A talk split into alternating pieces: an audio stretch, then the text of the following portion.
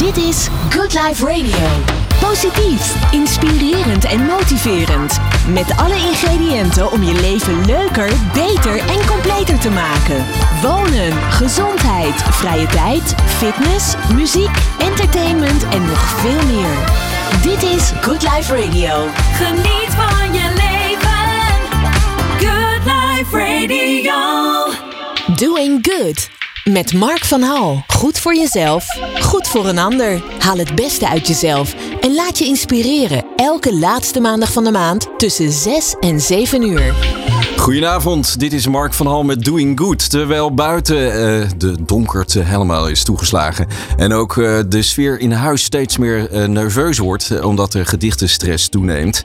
En uiteindelijk ook de inkoop moet moeten worden gedaan. Ondanks alle beperkingen. Zit ik hier met twee hele, hele bijzondere gasten. Ik zeg dat elke keer dat mensen bijzonder zijn. Ja, wie ben ik trouwens om dat te vinden? Maar ja, ik merk ook gewoon na een paar eh, gesprekjes te hebben gehad vandaag dat eh Raymond de Loze, die eh, te gast is, en Jessica Jansen, die ook te gast is, wel hele bijzondere verhalen hebben. En dat vind ik een voorrecht om dat te mogen introduceren naar jullie toe. En fijn dat je ook luistert naar Doing Good. Doing Good. Met Mark van Hal. Goed voor jezelf, goed voor een ander. Haal het beste uit jezelf en laat je inspireren. Elke laatste maandag van de maand tussen 6 en 7 uur.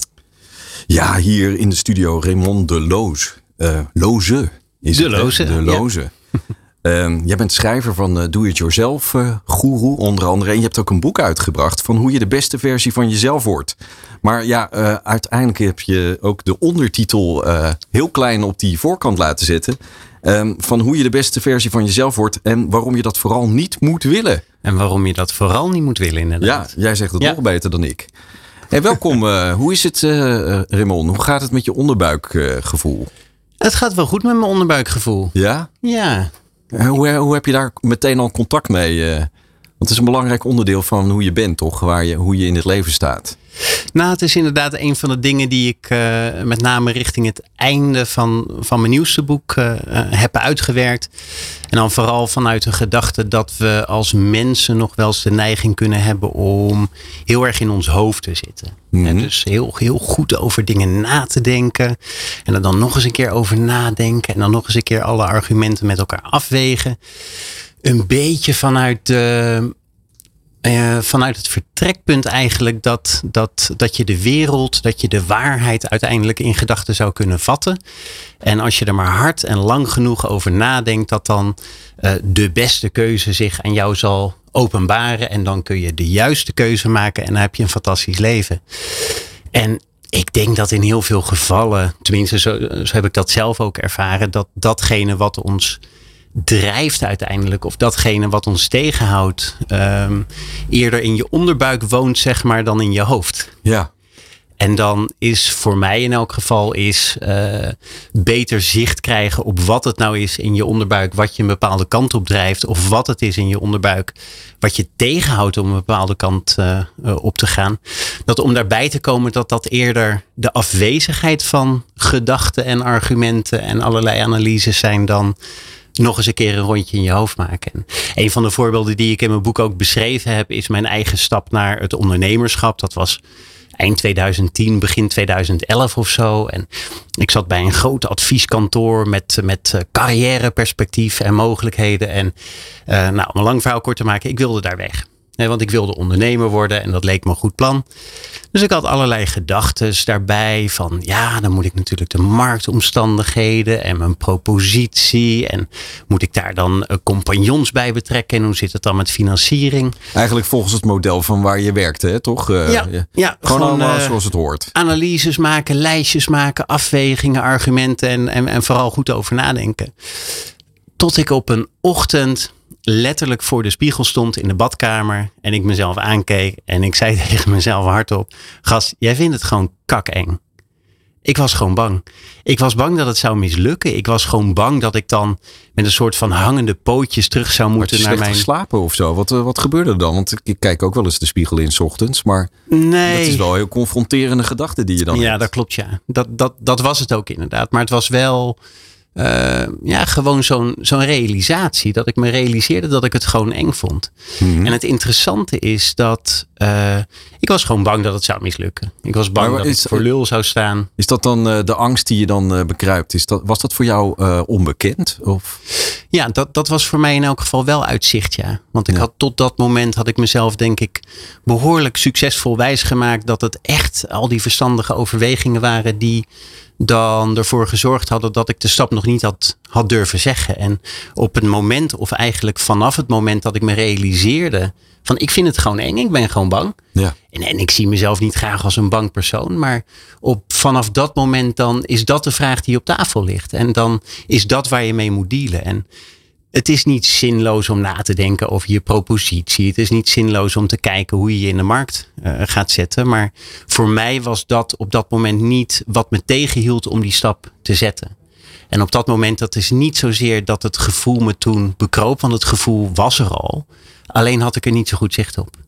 En op het moment dat ik me dat realiseerde, ja, dan, dan, dan is dat gewoon de, de vraag die er is en waar je mee moet dealen. Het is ook wel eens een eh, opluchting eh, om voor jezelf duidelijk te maken dat je ergens bang voor bent. Of dat je ergens angstig eh, voor bent. Ja, zo, zo, zo heb ik dat wel ervaren. Omdat ik er wel van overtuigd ben dat als je eh, een gevoel van angst hebt voor een bepaalde stap of voor een bepaalde keuze, dan gaat dat je toch wel drijven. Ja. Of jij daar nou zicht op hebt of niet. Hè, maar dat, dat gevoel van angst, dat gaat nergens heen. Dus het doel is, denk ik dan niet om te streven naar een situatie waarin je die angst niet meer hebt. Maar gewoon naar een situatie waarin je weet dat die er is en ziet dat die er is. En daar ook oké mee bent. En desalniettemin wel of niet besluiten om een bepaalde keuze te maken. Maar dan wel vanuit eh, een beter zicht op wat het nou is wat je daarin, wat je daarin drijft. Als je kijkt naar jouw titel hè, van, eh, van het boek. ehm, de beste versie van jezelf wordt. Ja, afgelopen jaren zijn we door verschillende mensen ja, voortdurend benaderd met van word de beste versie van jezelf. En ga eh, aan jezelf werken. En er wordt aardig wat geld mee verdiend door nogal wat zelfbedoemde Ja. gurus. Ehm, en jij schrijft in je boek dat dat, eh, en de- de ondertitel gaf het dus ook al aan, dat de beste versie van jezelf, eh, dat het eigenlijk onzin is om daar naar te streven.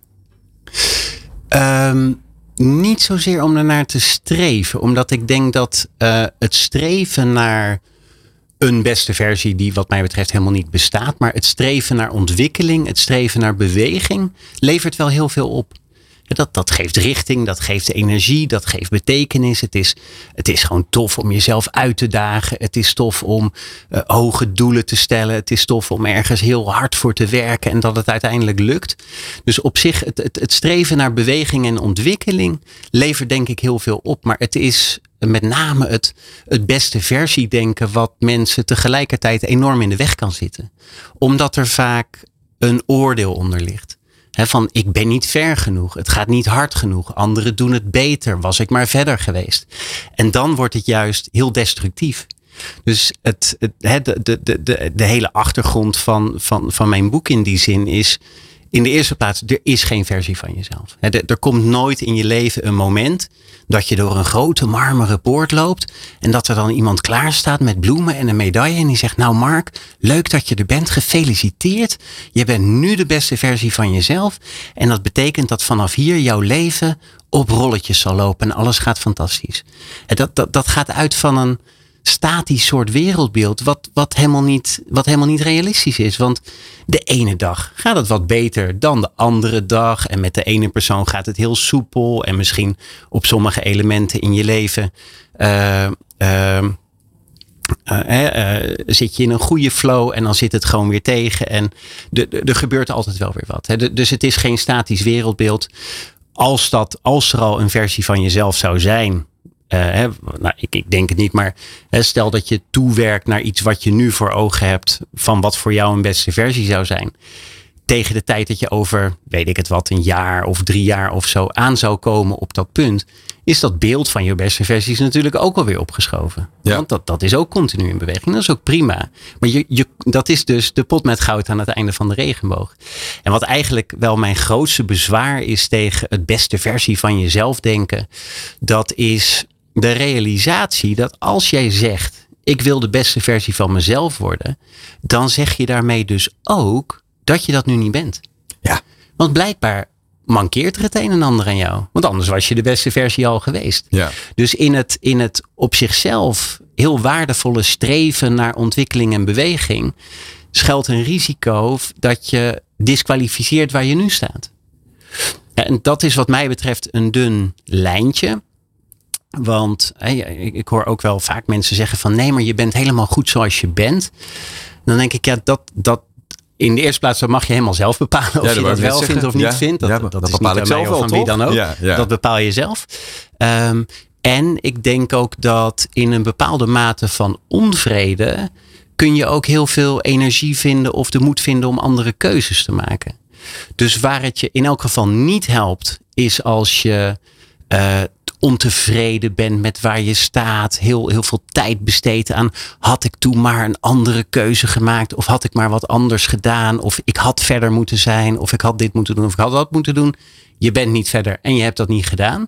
Dus je staat nu waar je staat, maar vanuit een, eh, het, het, het, het, het evalueren van waar sta ik nu en waar zou ik naartoe willen, kan je wel helpen om vanaf nu andere keuzes te maken. Dus dat is net het subtiele verschil tussen bevechten waar je nu staat. Wat vooral schadelijk kan zijn, denk ik. Want dan sta je nog steeds waar je staat. Alleen heb je er dan een minder goed gevoel over.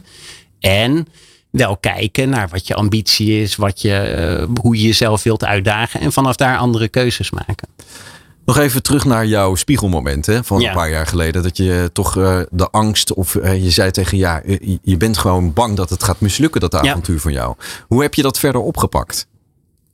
Ik heb het toch gedaan. Je hebt het toch gedaan. Ja, of, of tenminste, ik, ik ben toen wel het ondernemerschap ingegaan, maar gewoon vanuit de acceptatie van oké, ik vind het heel eng en ik ben bang dat ik voor lul sta als het niet lukt. En ik ga het toch doen. Want Lekker man. Ja, nou, maar dat, dat, dat geeft ook wel heel veel, heel veel ruimte in die zin. Want op het moment eh, eh, dat, dat ik dat voor mezelf zo kon vaststellen. ehm, ja, dan, dan, dan moet je daar gewoon mee dealen. Dat gevoel van angst gaat nergens heen. Dus dan heb je twee keuzes. Ofwel, ik laat me er tegenhouden. En ik besluit om in een veilige omgeving te blijven. Niks mis mee. Hè? Dat, dat kan ook prima een keuze zijn. Maar dan in elk geval wel vanuit. Oké, dat is nu de keuze die ik maak. Want ik vind veiligheid of zekerheid nu belangrijker dan vrijheid en onafhankelijkheid. Dat, dat was een beetje voor mij de afweging. Nou, ik heb een andere keuze gemaakt. Maar het gaat me niet zozeer om dat de ene keuze beter is dan de ander. Ik denk dat het waardevol is om beter zicht te hebben op wat daar voor jou onder ligt. Wat daar voor jou nou uiteindelijk de drijfveer eh, eh, in is. En ik denk dat daar eh, in, in veel gevallen wel veel in te winnen is. Omdat we nu eenmaal in een wereld leven waarin je beloond wordt en belang hecht aan de goede keuze. Want je moet de beste versie van jezelf worden. En om daar te komen moet je de goede keuzes maken. En als je helaas, Mark, je hebt de verkeerde keuzes gemaakt, dan wordt het natuurlijk niks met je. Dat is je eigen schuld. Ja. En dat, dat, eh, het, het is dat element eigenlijk van het beste versie van jezelf denken wat ik wel schadelijk vind. Omdat het eh, een soort maakbaarheid van de wereld suggereert die ik gewoon niet zie. En als jij ervan uitgaat van eh, hè, ieder, ieder mens kan doen wat hij wil. En als je er maar aan vasthoudt en nooit opgeeft, dan kun je de beste versie van jezelf worden. En dat is dan meestal ondersteund door een of ander succesverhaal van een miljardair die, eh, nou, een beetje kort samengevat, mislukking, mislukking, mislukking. Hey, tada, miljardair. Ehm, en en dus, dus er is een soort van stappenplan naar succes. En als jij dat volgt en goed doet, je moet wel goed doen, dat is belangrijk. Dan word jij ook miljardair. En dat is gewoon niet hoe het werkt. En, eh, maar dat vertrekpunt van je hebt het zelf in de hand, betekent ook dat als het jou niet lukt om wat dan ook te bereiken, dat het dan jouw schuld is.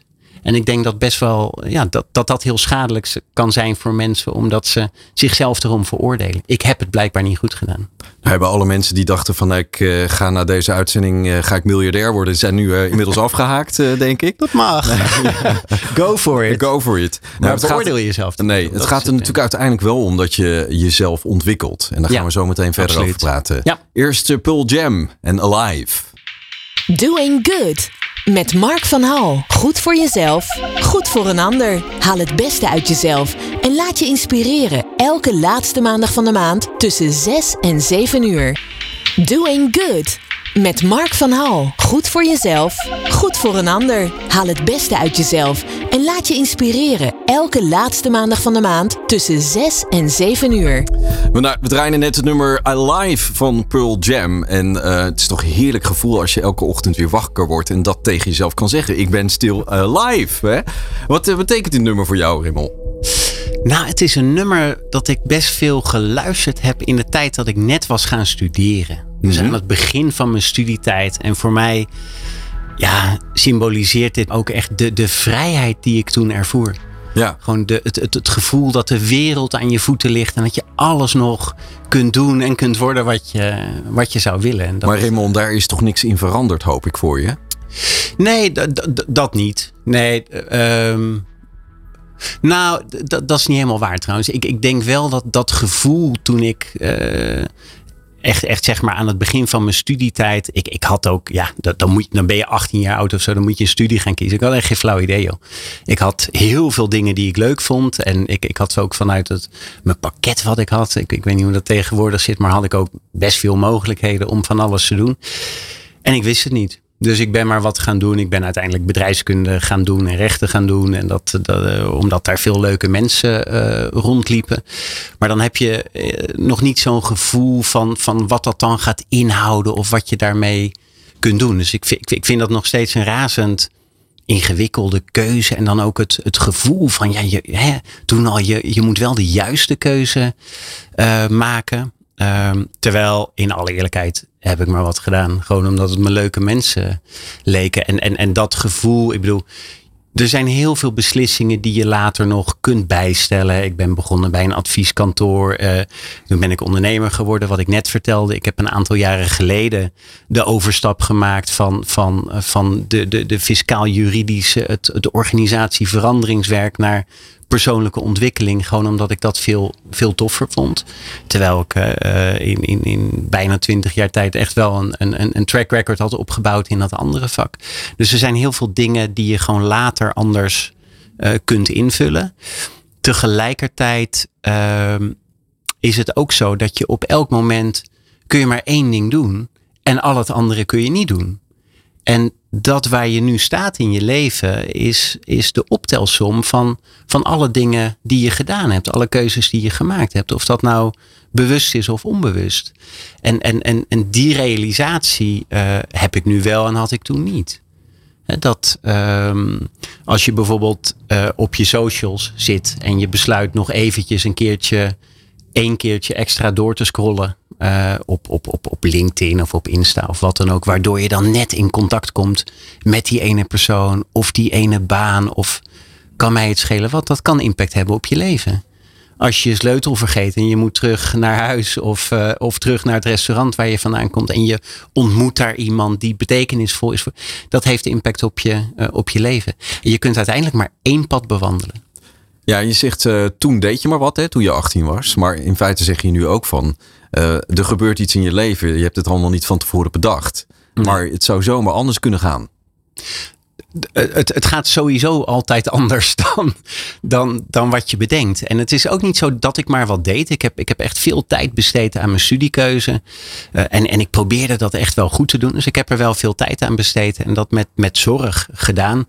En dan nog, als ik erop terugkijk, ja, wat, wat, wat, wat, wat moet je kiezen als je 18 bent? Ik had niet van huis uit goede contacten met, met allemaal mensen die in functies zaten dat ik even een kijkje kon gaan nemen of zo. Dat, dat, was, niet, dat was niet de situatie. Maar ik denk, ehm, hoe ik er nu naar kijk, en, en dat is ook iets wat ik wel in mijn laatste boek verwoord heb, is we, hebben de neiging om heel erg veel tijd te besteden aan de AB-achtige keuzes. Moet ik dit gaan studeren of moet ik dat gaan studeren? Moet ik economie gaan doen? Hè, want dat is een goede studie en daar kun je een goede baan eh, mee vinden. Of zal ik eh, geschiedenis of kunstgeschiedenis gaan doen? Want dat lijkt me heel tof. En dan ehm, gaan mensen soms op een later moment. Ik sprak een tijdje geleden iemand die had zo'n soort keuze gemaakt. Die had dan voor economie gekozen. En die, die, die vond eigenlijk kunstgeschiedenis heel leuk. En die kende nu iemand. En die had kunstgeschiedenis gedaan. En raad is, die had nu echt een superleuk leven. Hele goede baan en die was heel gelukkig. Dus, en ik vroeg toen ook van, wat, wat, wat, wat doe je nou? Want je hebt twaalf jaar geleden een keuze gemaakt. Daarna Heb je nog ongeveer 83 miljard afslagen genomen of niet gekomen? En langs dat ene unieke pad ben je uitgekomen waar je nu staat. Nou, of je daar blij mee bent of niet, dat, dat mag je zelf zeggen. Maar dat ga je dat vergelijken. Als je twaalf jaar geleden naar links was gegaan in plaats van naar rechts, dan had je vanaf daar ook weer een oneindig aantal mogelijke paden kunnen bewandelen. Dus dan gaan we waar we nu staan vergelijken met al die mogelijke alternatieven die je had gehad. En dan fabriceren we dan in ons hoofd voor het gemak even één alternatief van. En ja, en dat, dat was dan leuker geweest. Dus dat is niet een heel, heel waardevol perspectief. Dus je kunt wel eh, later in je leven heel veel keu of andere keuzes gaan maken. Je kunt niet terug in de tijd. Nee. Dus je kunt niet andere alternatieven aflopen. Maar dan is die persoon in kwestie misschien een beetje teleurgesteld over eh, eh, haar leven in dit geval. Hè? Dus, eh, en wat, wat zeg je dan tegen haar? Wat, wat, wat, wat zou je als gids voor de toekomst eh, aan haar mee willen geven? Nou, het, het, het is. ehm, eh, ik, ik denk dat. eh, Kijk, mensen hebben het unieke vermogen om na te denken over het verleden en de toekomst. Andere dieren doen dat niet. Hè. Die, die, die, die, die, die zijn daar niet mee bezig. Als een leeuw eh, een, een, een hertje niet vangt, gaat hij niet denken: Oh, ik had anders moeten springen. Die, die gaat gewoon verder met zijn leven. Ik denk dat, we, dat, dat het heel erg kan helpen om gewoon meer te kijken naar welke keuzes je nu hebt. Als je ergens niet blij mee bent of iets pakt anders uit dan je misschien gehoopt of gewild had, oké, dat, dat is zo. Want je staat nu waar je staat. En welke keuze heb je nu? Dus in plaats van de focus op moet ik A kiezen of moet ik B kiezen, denk ik dat er heel veel waarde zit in hoe je invulling geeft aan de keuzes die je gemaakt hebt.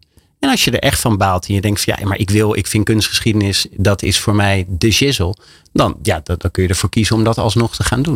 Maar je kunt niet terug in de tijd. Nee, je kunt zeker niet terug in de tijd en je weet eigenlijk ook niet wat de toekomst brengt. Sowieso niet. Maar eh, je kunt wel nu beslissen of eh, dealen met wat je te doen hebt of waar, Ja. waar je voor staat. Ja. En dan kom ik even terug naar mijn eerste vraag. Hoe zit het met jouw onderbuikgevoel? Dat is voor jou wel een belangrijke kompas, eh, heb ik begrepen. Ja, ja, en dat is ook wel iets wat ik echt heb moeten leren. Omdat ik, eh, eh, nou, laat ik het positief verwoorden voor mezelf. Ik heb heel veel talent om heel veel in mijn hoofd te zitten. Mhm. dus ik kan heel, eh, heel hard nadenken over dingen en heel veel scenario's in mijn hoofd afdraaien.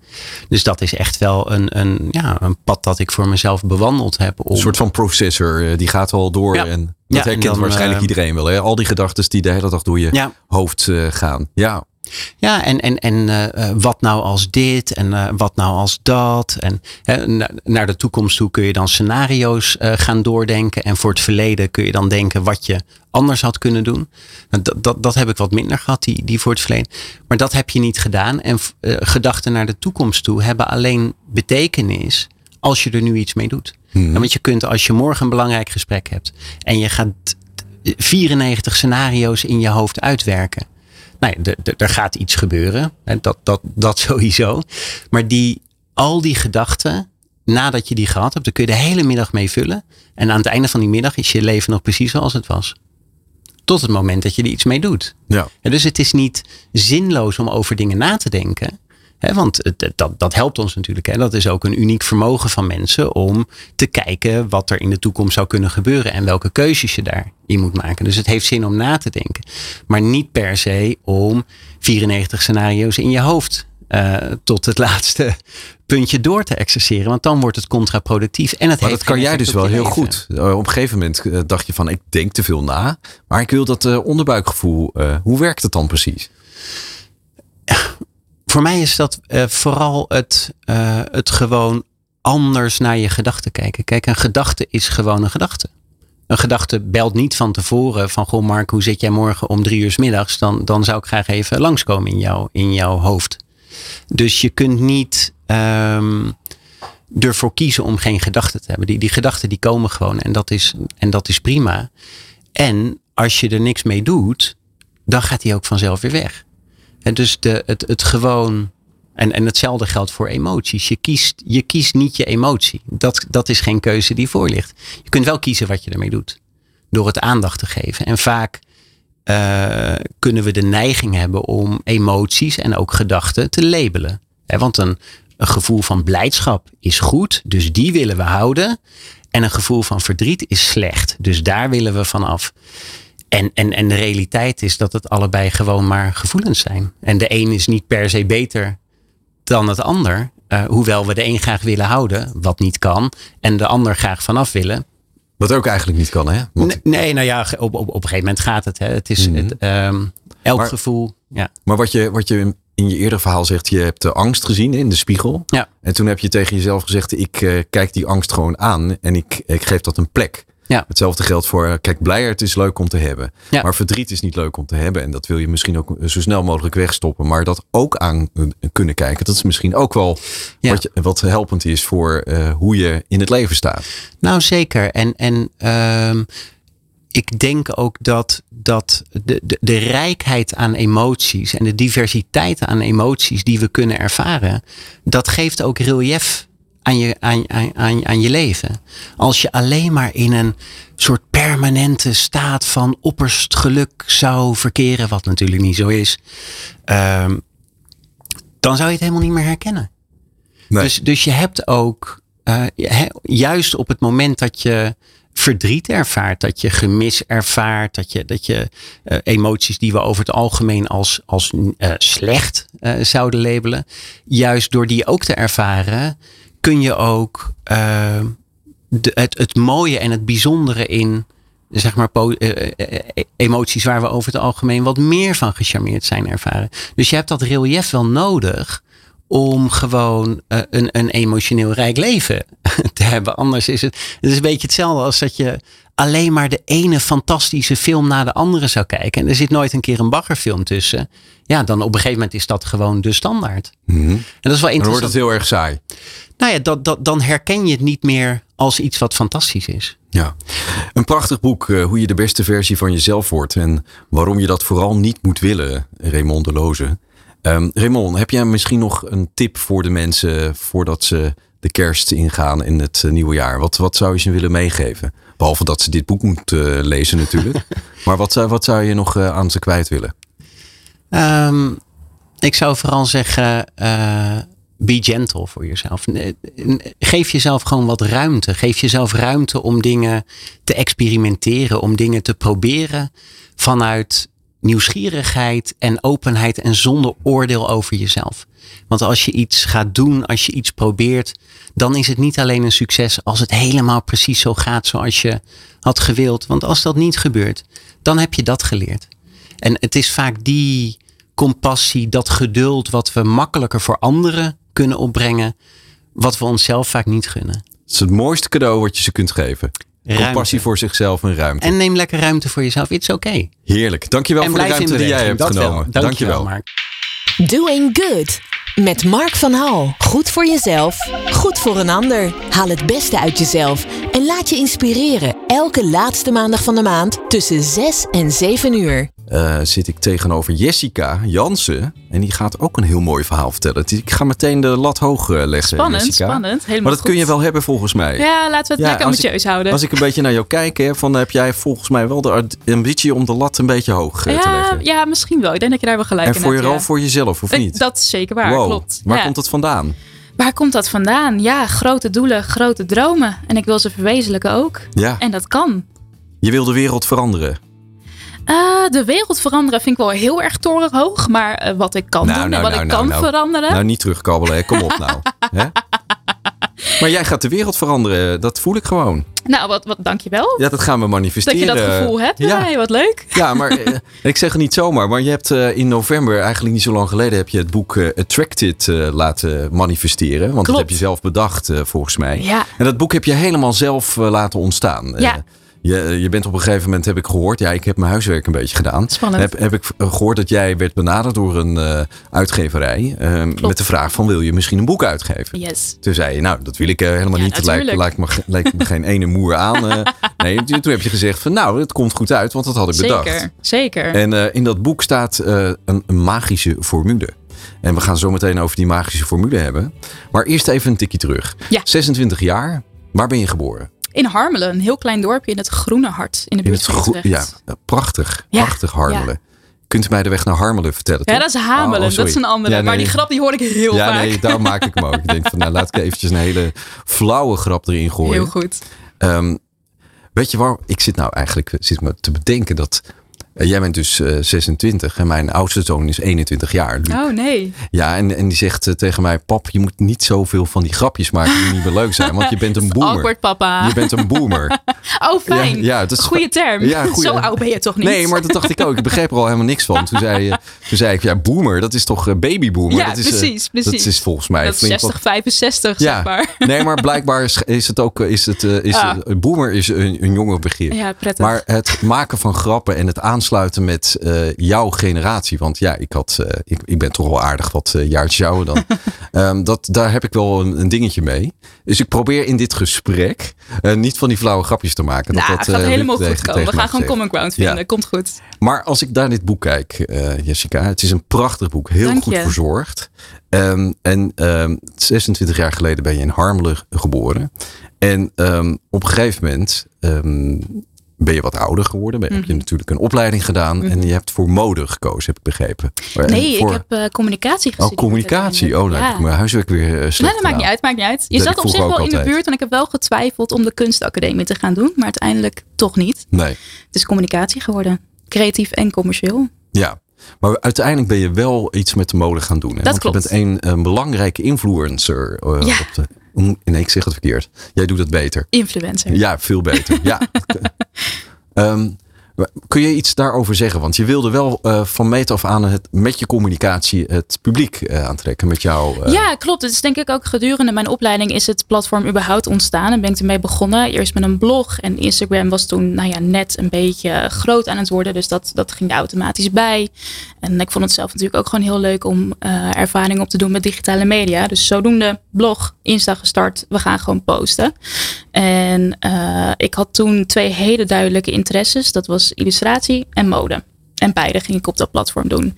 En eh, op een gegeven moment dacht ik van, nou, ik vind het zo leuk. Hoe tof zou het zijn als ik hier gewoon een steady bijbaan als student aan over kan houden.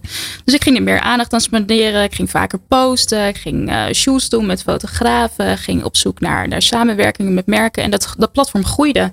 En op een gegeven moment binnen een paar jaar had ik opeens 10.000 volgers. En dat ging heel snel. En ehm, ja, en, en gaandeweg heb ik op een gegeven moment besloten om het stukje illustratie iets minder te gaan doen. En vol, vol eh, te focussen op duurzame mode. Dat werd echt mijn niche eigenlijk.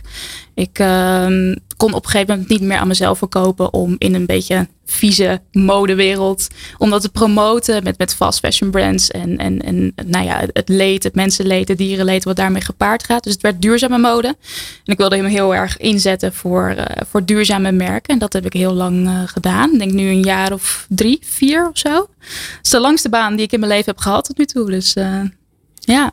En ging het altijd lekker? Want bedoel, volgers, eh, oké, dat, dat hoor je wel vaker. Dan wordt het aantal volgers wordt groter, maar word je er zelf gelukkiger van? Is, eh, is dan eh, de volgende vraag. Ja en nee. Ehm, ja, want ik heb echt onwijs mijn creativiteit kwijt kunnen, kwijtgekund in dit platform. Dus op dat vlak ja. En het heeft me op hele mooie plekken gebracht. Het heeft me prachtige kansen gegeven die iemand anders misschien nooit zou, eh, zou kunnen krijgen. Eh, de andere kant is dat ja, influencer zijn en bereik op Instagram eh, hebben gaat ook gepaard met een bepaalde verantwoordelijkheid en gaat ook gepaard met negatieve comments of ehm, eh, je moet er verantwoorden of dingen moeten uitleggen en je leven wordt wat publieker. En dat is niet altijd even leuk, dat klopt. Dus het is echt een, echt een tweedeling, het is een balans inderdaad. Maar eh, als ik er nu op terugkijk, denk ik, ja, ik kan hier alleen maar zo onwijs positief op terugkijken. Zeker met het hoogtepunt, namelijk mijn boek, wat toch ook mede dankzij dat bereik is ontstaan. Dan denk ik, ja, dit is het zo waard geweest, al die jaren lang. Zeker. Ja, een tijdje geleden ben je eh, op basis van wat je toen allemaal meemaakte, ben je ook overspannen geraakt. Eh, Klopt, ja, dat is nu bijna vier jaar geleden raakte ik in een burn-out inderdaad, bij mijn eerste baan. Ja, ik was net afgestudeerd en ik, eh, ik had een droombaan voor ogen. En dat was eh, bij een social media bureau in Amsterdam werken. Is me gelukt, die baan heb ik gekregen. Eh, maar het was een hele stressvolle omgeving. Ik had een hele hoge druk en een heel groot verantwoordelijkheidsgevoel als jonkie. En niet de ervaring om daarmee om te gaan. Dus ik raakte, denk ik, nou ja, denk binnen een jaar dat ik daar zat, raakte ik in best wel een pittige burn-out. Ehm, die heeft godzijdank niet heel lang geduurd, maar het was wel een heftige periode, ja. ja. En het is een eh, thema wat je de laatste tijd eh, wat vaker terug hoort komen. Dat veel Ja. jongeren uiteindelijk in een burn-out zitten. Of ja, eigenlijk studenten over- ook. Ja. Ja. Ja, klopt. Als je dat dan zo leest, wat, eh, wat, wat doet dat met jou? Oh, ik vind het echt verschrikkelijk. Echt verschrikkelijk. Ik denk dat, ehm, ja, het, het, het is echt, ik vind het bizar om te horen dat je zo jong bent en dan al zo'n verantwoordelijkheid voelt en het zo zwaar aanvoelt dat je in een burn-out raakt of in een depressie raakt. En het is heel, ehm, ja, hoe zou ik het zeggen? Ik vind het heel natuurlijk, heel menselijk dat het ontstaat gezien de situatie nu. Zeker als je nog zo jong bent. Uh, maar ja, ik vind het echt vreselijk om te horen. Ik bedoel, ja, het is een ervaring die je niemand gunt. Het heeft mij achteraf gezien veel gebracht. Maar het heeft mij ook veel gebracht omdat ik toen net een stukje ouder was. En ook gewoon de middelen had om uh, mezelf tijd en ruimte te geven om te helen daarvan. En als je student bent en je zit in tentamens en je zit met deadlines. Of je bent net begonnen met je eerste baan en je zit tot, tot hier met werk. Ja, dat is, zie daar maar eens uit te komen als je zo jong bent. Hoe ben jij daarmee omgegaan dan? Want op een gegeven moment heb je door dat je een burn-out uh, hebt. Of ja, tenminste, ja. ik hoor altijd wel dat uh, mensen die dat dan zo ervaren, dat dat eigenlijk altijd te laat is. Ja, ja, ja klopt inderdaad. Um, ik denk dat ik er zelf best wel vroeg bij was. Omdat uh, ik had voornamelijk fysieke klachten. En dat had ik nooit in mijn leven gehad. Ik had heel veel hoofdpijn. Ik had hartkloppingen. Dus ik wist meteen, er is iets mis. Ik weet niet wat het is. Um, dus ik ben naar de huisarts gegaan. En die huisarts zei van, nou, met jouw uh, klachtenlijstje en met wat, wat je aan het doen bent iedere week. Volgens mij zit jij gewoon tegen overspannenheid aan. Misschien zelfs in een burn-out. Nou, dat bleek achteraf gezien ook waar te zijn. En um, ja, wat ik toen heb gedaan is dat ik het. Ik heb het enerzijds aangekaart bij mijn werkgever. Die hebben mij op 50% gezet. Dus ik kon. Uh, ik hoef niet meer 40 uur te werken, maar maar 20 uur. En ik kon wat vaker thuis werken, bijvoorbeeld. Uh, en ik ben een traject gestart met een praktijkondersteuner, met een therapeut vanuit de huisartsenpraktijk. En dat heeft me uiteindelijk um, er langzaam maar zeker doorheen uh. Maar dat is wel een proces wat maanden in beslag nam. En dan was ik er nog vroeg bij. Dus dat had veel langer nog kunnen duren. Maar daar is ook wel het zaadje geplant voor het boek wat je uiteindelijk uh, deze maand hebt uh, uit laten brengen. Oeh, uh, goede vraag. Ik denk dat dat wat later kwam eigenlijk. Ik denk dat eigenlijk toen ik mezelf een beetje begon te helen vanuit de burn-out, dat ik uiteindelijk op, op spirituele onderwerpen kwam. Ik, ik kwam inderdaad manifesteren tegen, ik kwam astrologie tegen. Ik begon van alles uitproberen. Echt van yoga tot meditatie, alles, mindfulness. Je was lekker aan het snacken. Ja, ik vond alles mega interessant en ik dacht, ik ga het gewoon proberen. Als het niks voor mij is, dan laat ik het binnen twee weken los. Is het niet voor mij? Is het wel wat? Dan blijft het lekker plakken. Nou ja, drie keer raden, manifesteren bleef plakken. En wat er toen gebeurde is dat ik uh, mijn volgers die ik toen had op Instagram, die heb ik meegenomen in dat proces. Dus die, um, die liet ik zien van hey, dit is waar ik mee kamp, dit is wat ik, waar ik mee zit, dit is wat ik voel en dit zijn de dingen waar mijn interesse liggen, waaronder manifesteren. Wat vond je dat niet spannend dan? Want, ja. Ja, ik vond het onwijs spannend. Ik bedoel, ik was mode-influencer. Komt zij aan met haar uh, spirituele business opeens? Ja, maar ook met, uh, met je verhaal van uh, dat er toch iets minder goed gaat met je. Oh ja, nou dat vond ik dus niet zo heel spannend om te delen, heel eerlijk. Nee, ik voelde daarbij zo van ja, er zijn zoveel mensen met mij die hiermee kampen. Ook jonge mensen, mijn volgers dus. Ik moet hier iets mee. Ik moet dit delen, want ik weet 100% zeker dat er anderen zijn die hier ook wat aan hebben. Al is het maar herkenning. En dat kan alleen maar plaatsvinden door het verhaal online te gooien. Ja, want uh, dan is de, het gezegde delen is helen is misschien toch wel aan de orde. Ja, ja. En, en ook voor mezelf hoor. Ik bedoel, ik, ik uh, ben niet iemand die heel makkelijk om hulp vraagt bijvoorbeeld. Maar ook voor mezelf om dat online te zetten en te delen. En een soort van gesprekken te gaan hebben met mensen die dezelfde ervaring hebben gehad. Of die iets van herkenning hebben. Dat heeft voor mij ook enorm geholpen in mijn proces. Doing Good. Met Mark van Hal. Goed voor jezelf, goed voor een ander. Haal het beste uit jezelf en laat je inspireren. Elke laatste maandag van de maand tussen 6 en 7 uur. Fantastisch. Op een gegeven moment, wat ik wel heel spannend vind bij jou. Want je zegt, op, je, je zegt van, nou, ik ben aan het snacken geraakt. Heb alles uitgeprobeerd. Ja. Uh, yoga, uh, mindfulness, uh, van alles en nog wat. En uiteindelijk is het manifesteren blijven plakken. Mm -hmm. En je hoor, ik hoorde jou ook een aantal keren spiritueel zeggen. Ja. Maar, maar je geeft in je boek, maar ook in je podcast eh, wel eens aan. Ja, spiritueel moet je ook niet te veel. eh, eh, hè, niet, dat gezweef, daar hou ik niet van. Maar waarom ben, ben je een beetje bang voor dat spirituele? Om dat te veel te benoemen of niet? Nee, ik ben niet bang voor het spirituele. Het spirituele zit zo in mij. Dat, dat, dat is gewoon onlosmakelijk verbonden met wie ik ben. En wie ik nu ben geworden in mijn ontwikkeling. Dus Maar je vindt het wel. je zou toch niet willen dat je, dat je een soort van. Ja, ik zeg het maar toch. Een zweefteef wordt genoemd. Ja, maar ik vind dat ook wel iets anders dan spiritueel zijn. Ja. Ik vind zweverig niet per se spiritueel. Nee, maar dat is wel een dingetje. Hè? Dat is wel een dingetje. Ja. Ja, zeker. Maar zeker. daar zet je wel tegen af. Ja. Want wat vind jij bijvoorbeeld zweverig? Oeh, wat vind ik zweverig. Ja, ehm, nou ja, je noemde net mijn podcast bijvoorbeeld. Dan, ehm, ik, ik vertel mijn podcast gewoon net zoals ik hier zit. Gewoon lekker casual, nuchter, praktisch. Laten we lekker ouwe hoeren over manifesteren. Helemaal top, helemaal gezellig. Eh, dat kan ook met een hele zachte, zwoele, rustige stem. En dan lijkt het bijna een meditatie. Dat, dat hoeft voor mij niet. Daar krijg ik een beetje jeuk van, krijg ik een beetje kriebels van. En er zijn mensen die dat fantastisch doen, die dat heel goed kunnen voor mij hoeft dat niet. Het past niet bij mij en het is ook gewoon niet waar ik voor wil staan. Je bedoelt, je, je wilt gewoon meteen kunnen voelen in het werk of in de, in de maatschappij. En je er niet van afzetten door opeens heel zweverig te worden. En precies. voel je je lekker, ga lekker liggen. Ja. Dat inderdaad. Ik denk, ja, als ik wil mediteren, dan zet ik wel een meditatie op, niet een podcast. Maar ik denk wat, wat, wat ik ook belangrijk vind, is dat ehm, juist het praktische, juist het in de praktijk brengen, daar zit de waarde in. Niet in het luisteren en een beetje apathisch dat meemaken. Het zit hem juist in de actie ook. En dat geldt ook net zo goed voor manifesteren. Je kan heel veel dingen visualiseren en eh, bedenken in je hoofd. En, eh, maar ga het ook maar doen. Ja. Kom daar ook maar eens even in actie. Ja, want het gevaar zou kunnen zijn als ik je zo proef hè, van wa- wat je vertelt, dat je in een soort van sfeer blijft hangen waar je je buitensluit van het echte leven. Ja, precies, precies. En ik denk dat kwam natuurlijk net ook in het gesprek heel erg naar voren. Er gaan ook gewoon dingen gebeuren in je leven die misschien niet zo leuk zijn. Ook als je manifesteert. Ehm, maar daar moet je ook maar mee zien te dealen en daarmee om eh, zien te gaan. Ja, want jij hebt een, eh, een gouden formule bedacht. Ja, toch? Klopt. Kun je me even meenemen? Ik was eh, met wiskunde vroeger niet zo goed in de formules. het maar is de- geen lastige wiskundige deze formule, sprak wel een beetje aan. Eh, Het is eigenlijk een optelsom. Dat is Ja. heel makkelijk. Dat kunnen we allemaal. het begint bij ambitie. Het begint bij ambitie Ja. inderdaad. Nou, ambitie staat vertel. voor ehm, eh, enerzijds je doel vinden. Wat wil je nou in het leven? Waar word jij gelukkig van? En het gaat over dat stukje in actie komen. Wat ik net wilde. Dat is ambitie.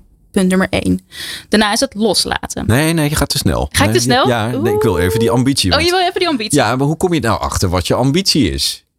Ja. Want we hadden net in het gesprek met Raymond hadden we het over van, nou, dat het toch best wel lastig is om een keuze te maken. En Ja. op basis waarvan maak je dan de keuze wat je ambitie is? Ja. Waar ga je dan voor, Ja, beste nou, ik- Jessica? Ik denk dat Raymond net eigenlijk al een tipje van de sluier heeft gegeven. Dat heeft heel veel te maken met je intuïtie. Het heeft heel veel te maken met je onderbuik, het onderbuikgevoel. Eh, en het heeft heel veel te maken met proberen. Ga het maar proberen. Ga maar op je bek. Helemaal oké. Kan gebeuren. Zeker als je jong bent. Waarschijnlijk ga je nog een honderd keer op je bek. Maar dat is helemaal oké. Dat mag. Maar ga het ontdekken. Ga ontdekken waar jouw hart sneller van gaat kloppen. Dat is ambitie en dat is hoe je jouw ambitie vindt. Dat bedoel je met die actie? Ja. Ja, als je, als je alleen maar een beetje van de zijkant eh, zit te kijken van, nou, eh, je doet Ja, als je niks, alleen je gaat maar ritueeltjes uitvoert en dingen loopt op te schrijven, maar niks doet, dan, ja, dan gebeurt ook niks. Dan ga je die dromen nooit verwezenlijken. Nee. Laten we reëel wezen. Niks komt zomaar op je, voor, je, voor de voordeur aanwaaien, zeg maar. Even praktisch, hè? dan heb je een soort van, nou, ja, het is een beetje Sinterklaastijd, een verlanglijstje. En dan loop je eh, een beetje na wat je leuk vindt en Ja. wat je niet leuk vindt. En Ja. wat je leuk vindt, dat ga je, daar ga je actie op ondernemen. Ja, precies. Check, ik heb het begrepen. Top. Nou, dan de volgende. Element loslaten. nummer twee, dat is loslaten inderdaad. En loslaten gaat voor mij om ehm, eigenlijk jezelf onder de loep nemen. Eigenlijk kijken wat, eh, wat er in jou gebeurt. En wat, met name wat er gebeurt wat jou tegen kan houden om die ambitie te gaan verwezenlijken. Dus het gaat eigenlijk over gedachtenpatronen. Het gaat over je onderbewustzijn. Het gaat over dingen die je misschien vroeger hebt meegemaakt die jou nu nog tegenhouden bij het verwezenlijken van jouw ambitie. Ehm, en dat kun je gaan loslaten. En dat, daar zijn allerlei technieken voor. Ik raak ook, eh, ik raak ook allemaal technieken aan in mijn boek bijvoorbeeld. Ehm, maar het gaat eigenlijk inderdaad om kijken naar wat houdt mij nou tegen bij het verwezenlijken van die droom en hoe kan ik dat loslaten. Dat wat je tegenhoudt, eh, eh, is soms, soms eh, de veiligheid. Hè? Dus eh, het, het is lekker bekend waar je zit. Hè? Ja, dat is natuurlijk angst. ook eh, angst. Heel menselijk ook, Ja. zeker, zeker. En dat afwegen ten opzichte van de ambitie. Ja, nou ja, het gaat eigenlijk vooral om enerzijds denk ik dat je bewust worden van hetgene wat je tegenhoudt is al een stap op zich. En eigenlijk ook de belangrijkste stap. Want dan kun je inderdaad die angst, zoals net zo mooi werd gezegd, ook recht aan gaan kijken. En daarmee heb jij het eigenlijk al gewonnen. Ik eh, word er stil van. Nou, ik ben ook heel dankbaar dat je dit zegt. Want dat is de volgende, hè? dat is dankbaarheid. de volgende. Dankbaarheid is het derde element in de formule. En eh, dankbaarheid gaat eigenlijk om, om geluk vinden en gelukkig zijn. Want eh, daarmee trek je meer geluk aan. Dankbaarheid staat eigenlijk ook voor. er is bijvoorbeeld ook onderzoek gedaan door Harvard University dat ehm, succes, geluk. Of nee, ik moet even goed zeggen hoor. Ehm, geluk trekt succes aan en niet andersom. Dus je moet eerst gelukkig worden, je moet eerst geluk voelen. En daarna komt succes. Ja, en eh, dat is ook iets wat ik heb geleerd van Sarah Hemanides, die eerder te gast was eh, in de uitzending. Dat op het moment dat je eerst met hele kleine dingen begint, hè, dus Ja. eh, bijvoorbeeld iets heel kleins en daar je dankbaarheid al Ja. uitspreekt, dat is al zo waardevol. Precies, precies, zeker. Ja, Dat geeft al heel veel positieve ja energie. exact. En als je dus de ambitie loslaat en de dankbaarheid, kom je uiteindelijk op manifesteren. Ja, bij het onderwerp van de avond. Dan kom je bij manifesteren inderdaad. En dan kom je eigenlijk bij, nou ja, ik weet niet of je luisteraars überhaupt bekend zijn met manifesteren. Maar manifesteren gaat eigenlijk om het tastbaar maken van jouw gedachten en gevoelens. Dat is eigenlijk waar manifesteren voor staat. En er zijn heel veel verschillende technieken voor. Je kan er eh, journaling voor inzetten. Je kan ervoor eh, voor visualiseren. Je kan een soort dagdroom gaan hebben over die ambitie die jij hebt. En gaan voorstellen hoe dat zich dan gaat eh, manifesteren. En dat is eigenlijk wat het is. Klinkt heel makkelijk, hè? Ja, Ja. eigenlijk wel. Nou, en, en wat ik, wat ik eh, zo mooi vind van jouw verhaal, je bent vlees geworden voorbeeld van dat manifestatiegedeelte wat je zo predikt. Ja, En ja. je geeft in je boek een, een eh, uitvoerig soort van recept hoe je dat kan bereiken. Maar het is natuurlijk nooit een garantie dat je precies gaat manifesteren wat je had bedacht. Want eh, eh, ik bedoel, ik kan wel denken, een beetje toch in die Sinterklaastijd, dat ik eh, iets krijg eh, en daar, daar de hele tijd aan denken. Maar dan moet ik natuurlijk uiteindelijk zelf iets voor doen. Het ja, gaat niet zo. Ja, precies, eh, precies. Ja, en, en ehm, ik geloof niet zozeer dat je iets fout kan manifesteren, maar je zou wel iets kunnen manifesteren wat achteraf gezien toch niet zo heel goed bij je past. Zoals ik ook heb gedaan met mijn eerste baan. Nou ja, zat ik dan mijn burn-out en mijn droom intiggelen. Kan gebeuren, zeker als je jong bent. Ehm, dus nee, het is, het is geen garantie. Nee, zeker niet. Maar ik denk dat als je in ieder geval begint met voelen waar je daadwerkelijk naartoe bent en überhaupt gewoon dat doel scherp krijgen, ben je eigenlijk al veel verder dan heel veel mensen zijn. En daar zit al heel veel waarde in. Wat ik hoop eh, als eh, mensen dit horen en, eh, en jou gaan volgen en ook het boek gaan pakken, dat, dat iets het volgende wordt gemanifesteerd. Is dat met jouw enthousiasme en dit boek en dit recept, dat veel meer mensen vanuit geluk manifesteren Ja. in plaats van vanuit negatieve energie. Want dat kan precies, natuurlijk ook, hè? Precies, zeker, zeker.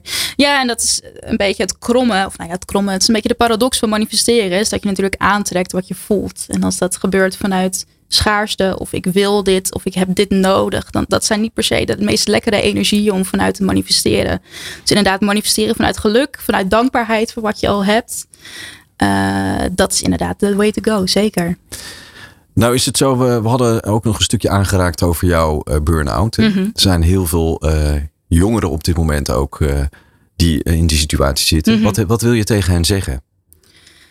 Oh jeetje, wat een mooie vraag. Ehm, wat ik zou willen zeggen is: hou hoop, zoek hulp. En niet, dat betekent niet meteen eh, zoek een therapeut, want ik weet hoe moeilijk dat nu is. Dat, dat is gewoon niet praktisch haalbaar, niet altijd in ieder geval.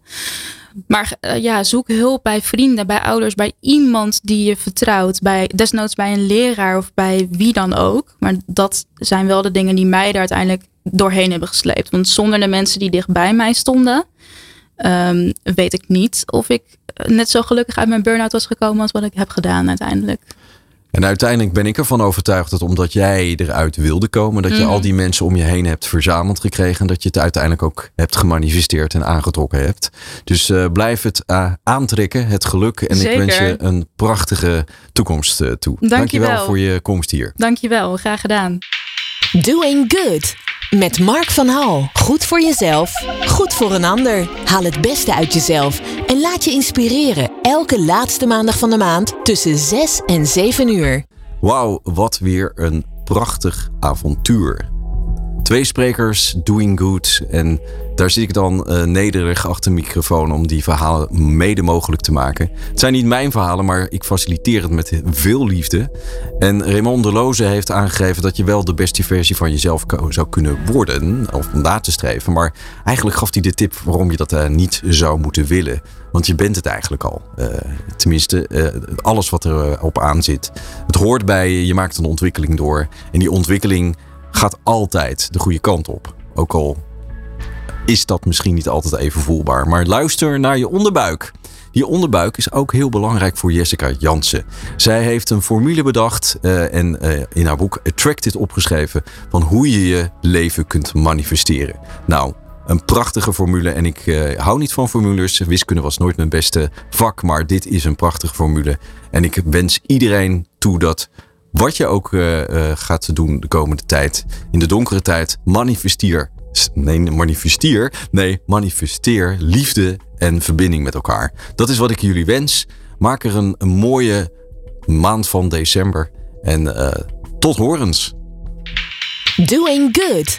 Met Mark van Hal. Goed voor jezelf, goed voor een ander. Haal het beste uit jezelf en laat je inspireren. Elke laatste maandag van de maand tussen 6 en 7 uur.